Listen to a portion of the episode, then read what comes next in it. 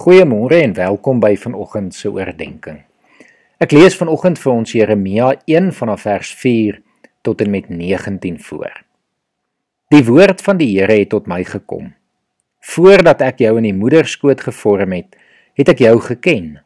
Voordat jy gebore is, het ek jou aan my gewy en jou as profeet vir die nasies aangestel. Ag Here my God, het ek geantwoord.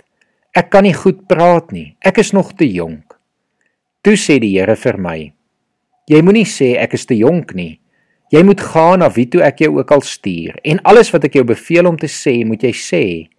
Moenie vir hulle bang wees nie want ek is by jou. Ek sal jou red. Dit is wat die Here gesê het. Hy het sy hand uitgesteek, my mond aangeraak en vir my gesê: Ek het nou my woorde in jou mond gelê. Kyk, ek stel jou vandag aan oor nasies en oor koninkryke om af te breek en uit te roei, om te vernietig en plat te slaan, te bou en te vestig. Die woord van die Here het tot my gekom.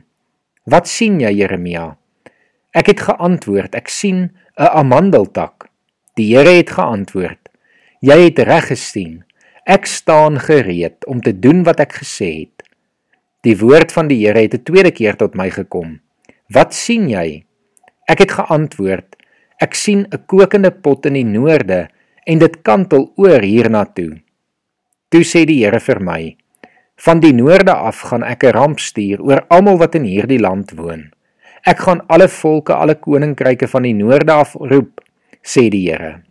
Hulle koning sal elkeen sy troon kom oprig voor die poorte van Jerusalem, by die mure rondom die stad en by al die stede van Juda. Ek sal die mense van Juda straf vir al hulle sondes.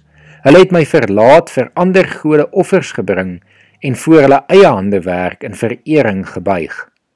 Maak klaar, staan op, sê vir hulle alles wat ek jou beveel. Moenie vir hulle skrik nie, want dan verpletter ek jou voor hulle oë.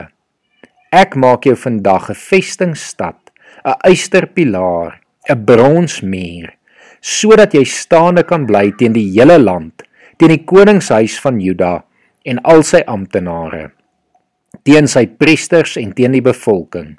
Hulle sal teen jou veg, maar hulle sal jou nie oorweldig nie, want ek is by jou, sê die Here. Ek sal jou red. Jeremia was ongeveer 17 jaar oud toe God vir die eerste keer met hom gepraat en hom geroep het om as profeet op te tree. Hy was sensitief, skaam en baie senuweeagtig omdat profete dikwels 'n moeilike boodskap moes oordra, was hulle nie baie gewild nie. Jeremia het nie waardig gevoel vir hierdie taak nie. Maar iemand het op 'n keer gesê dat as jou taak of droom nie vir jou te groot is nie, dan kom dit nie van God af nie. Jeremia was eerlik en het sy onwaardigheid aan God kom bloot lê. God het hom gerus gestel. Selfs al is hierdie taak moeilik, sal hy die almagtige God met hom wees.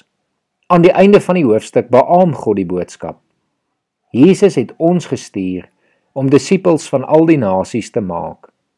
Nou bemoedig hy ons in hierdie moeilike taak deur ons te verseker dat hy altyd met ons sal wees. Jeremia getuig later van sy geheime vreugde. U het met my gepraat en ek het na elke woord geluister. Ek behoort aan U, Heer, en u woorde vul my hart met blydskap. As jy vanoggend onwaardig voel, kan jy maar weet meeste mense voel soms so. Dit verg dapperheid om die taak wat die Here vir jou opgelê het uit te voer. Maar die Here gee sy belofte dat hy deur sy gees jou in staat sal stel om ook dit wat hy van jou verwag te kan doen. Kom ons bid saam. Here, dankie vir Jeremia se voorbeeld, Here. Dat ons ook maar vandag kan weet dat ons dikwels verskonings het net soos wat hy gehad het. Dat ons dikwels voel maar ons is nie goed genoeg of in staat om te doen wat U wil hê ons moet doen nie. Maar Here, dankie dat ons vandag kan hoor dis nie waar nie. Ons is goed genoeg vir U, Here, en U het ons gekies om namens U ook hier in hierdie wêreld op te tree. Lei ons deur die Gees sodat ons dit dan kan doen en U kan verheerlik. Ek bid dit in Jesus se naam. Amen.